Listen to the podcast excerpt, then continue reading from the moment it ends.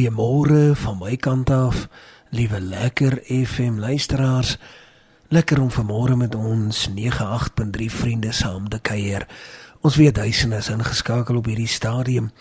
En wees welkom as die eerste maal is, baie baie welkom hier by die Lekker FM familie.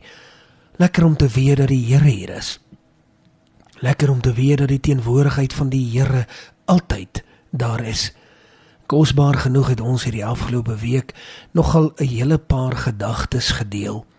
En op Kersdag wat Maandag verby is, het ons nogal baie pertinent oor 'n paar sake gepraat en spesifiek het ek verwys na die gedeelte daar in Matteus van die wyse manne.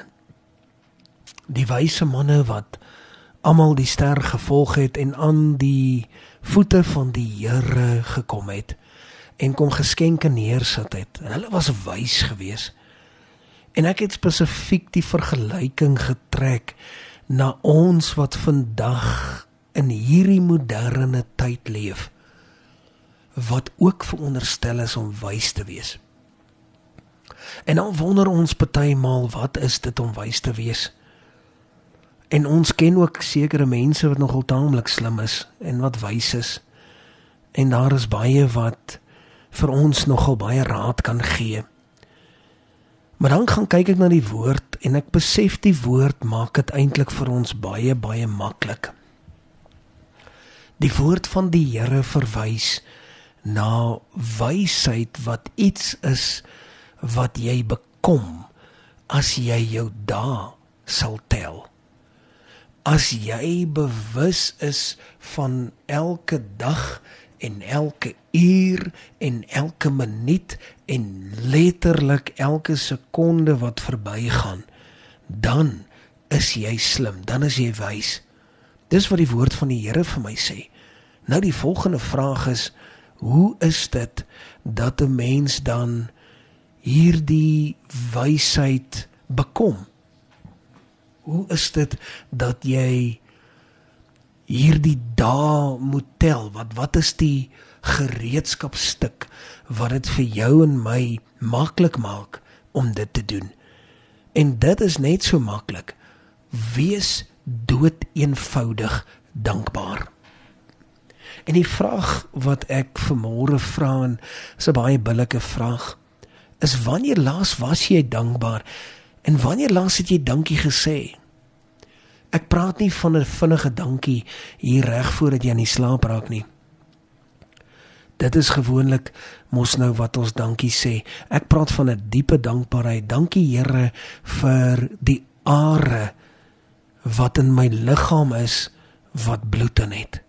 Dankie Here vir my hart wat klop. Dankie vir 'n asemteug. Dankie Here dat U vir my mense gee wat bereid is om om om jou waarlik vir my lief te wees. Dit is op sigself 'n wonderwerk. Dankie vir dit. Dankie, dankie, dankie Here vir elke goeie genadegawe. Dit is wat vir my en vir jou dankbaar en wat ons wys maak. Dit is wat ons in staat stel om ons dae te tel.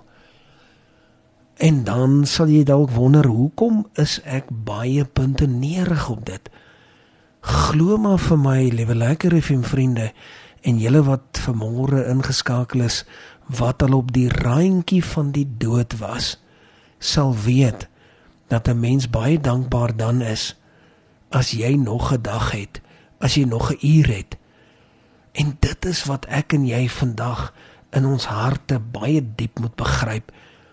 Maar voordat ek vandag verder praat, kom ons sit net so. Dan sluit ons die oë dan bid ons saam. Hemelse Vader, dankie vir u woord. Dankie dat u woord in ons harte kom bevestig. Dankie dat u woord in ons gees kom nalaat. En Here dat u ook in ons hart kom spreek.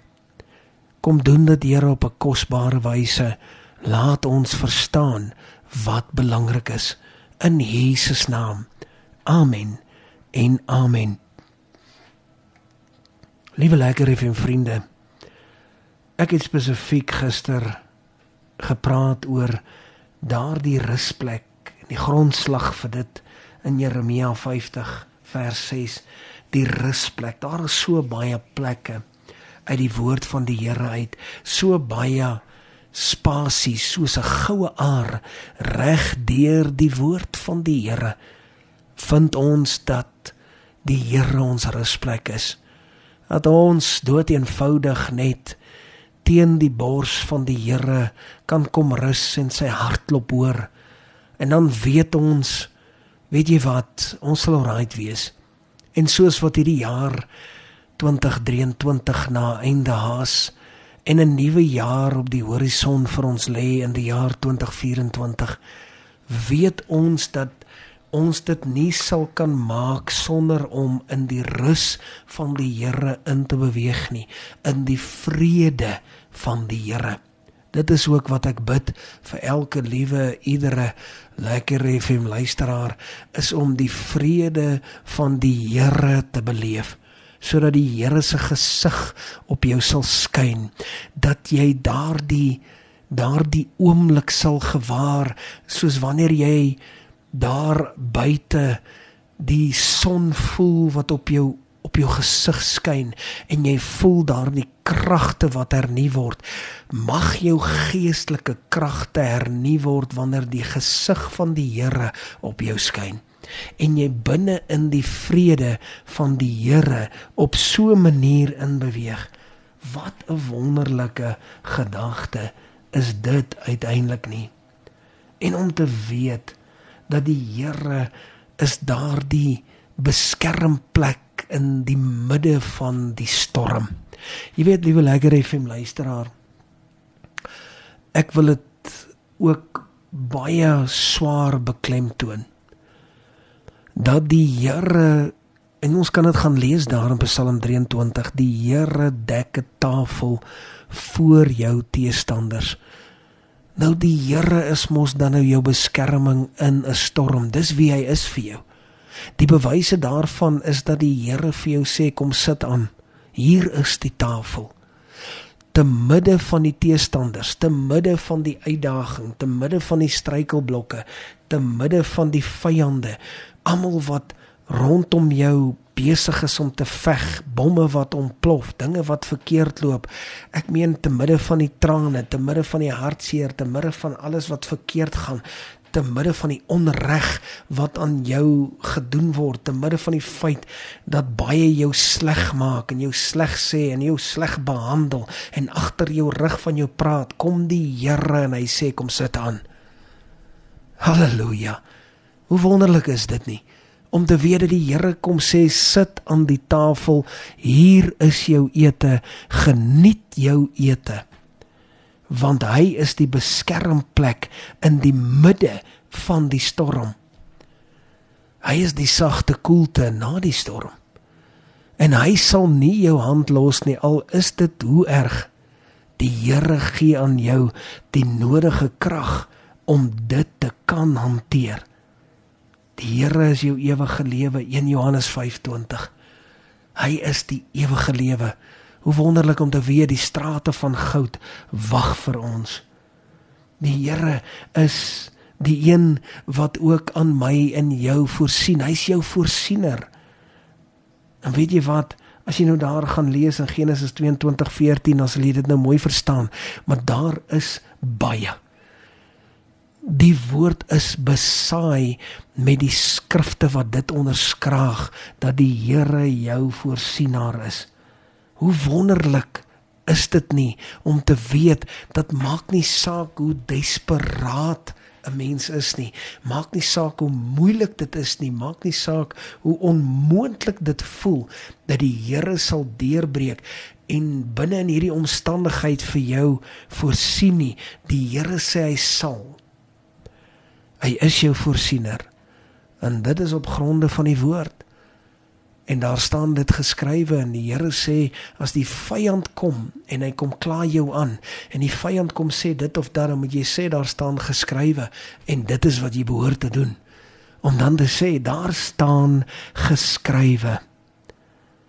En hoe wonderlik die Here is daardie lewende waterfontein wat uitspruit En wanneer jy onder daardie fontein gaan staan, daardie fontein van lewende water waarvan Johannes daar in die 4de hoofstuk vers 10 praat, en jy onder daardie fontein van lewende water jouself bevind, dan word jy verkoop opnuut en dan gewaar jy die vrede van die Here want hy is die Here van vrede in jou lewe. En dit kan jy maar gaan lees daar in 2 Tessalonisense. Kosbaar. Kosbaar. En as dit vir jou voel, ag, maar weet jy die pile tref my van enige kant af. Ek meen ek kan nie links draai nie, dan's daar 'n pyl wat op pad is na my toe. Ek kan nie regs draai nie, dan's daar nog 'n pyl op pad na my toe. Dan sê die Here vir jou, hy is jou skild. Hy is jou skild en nie net dit nie, hy is jou psalm. Gelees dit daar in Psalm 144 so kosbaar. Die Here is die een wat na ons omsien en dit uiteindelik is al wat saak maak. Die Here kyk na jou, die Here kyk na my wonderlik, groot en heilig. Hy is ons helper. Hy is ons helper. En wanneer hy ons helper is, dan weet ons hy is ook ons raadsman. En weet jy wat, liewe lekker FM luisteraar, dis uiteindelik al wat saak maak dat hy jou raadsman is. En dit wat nodig is om oor gepraat te word dat die Here dit in jou gees sal kom bevestig weet dit vandag en ons het vroeër in die week gepraat hoe die Here jou gees kan genees, nie net jou liggaam nie. Uit die aard van die saak, hy genees jou liggaam, daarvan is baie bewyse en die wonderwerke gebeur daagliks. Maar dat die Here jou gees kan herstel. En ek weet dat die Here die gereedskap daarvoor gebruik deur dit wat sleg is om te draai in dit wat uiteindelik ten goeie meewerk. En die enigste manier hoe jy dit vandag kan raak sien is as jy in die verlede inkyk en sien hoe die Here dit al reeds gedoen het. En as hy dit al reeds gedoen het, waarom sal hy dit nie weer doen nie? Hy sal dit weer doen en weer doen en weer doen, want die Here is 'n God van tweede kansse. Hy is die een wat jou gesond kan maak, heel hartig. Ja, die Here is jou hoop. En die hoop beskaam nie. Liewe lekker FM vriend, die hoop beskaam nie. Die hoop beskaam nie want jy kan dit gaan lees op Psalm 71. Die hoop van die Here bly ewig staan. En dit wil ek vir jou sê, is iets wat nooit sal verander nie. Die Here ten slotte, soos wat ons beweeg daar na die nuwe jaar toe. En vandag het die aard van die saak die 29ste soos wat ons beweeg na 'n nuwe jaar, wil ek vir jou bemoedig deur te sê dat die Here is die God wat jou absoluut in jou in sy hande kom neem. Hy is die God wat dood eenvoudig jou kom gerusstel. Mag die Here jou gerusstel in hierdie opkomende nuwe jaar. Mag die Here jou gerusstel in elke faset, jou familie, jou kinders, kleinkinders, jou ouers, grootouers. Mag die Here jou gerusstel in die naam van die Here. Tot sover die woord van die Here. Kom ons sit net so. Dan sluit ons die oë, dan bid ons saam. Hemelse Vader, dankie dat ons mag weet omdat ons weet dat U na ons omsien en dat U na ons kyk. Here, dankie dat U U bloed oor ons vaardig maak. En U bloed beskerm ons en beskerm ons geliefdes. En Here, dankie dat U ons seën in hierdie nuwe jaar. Dit is my gebed in Jesus naam. Amen. En amen.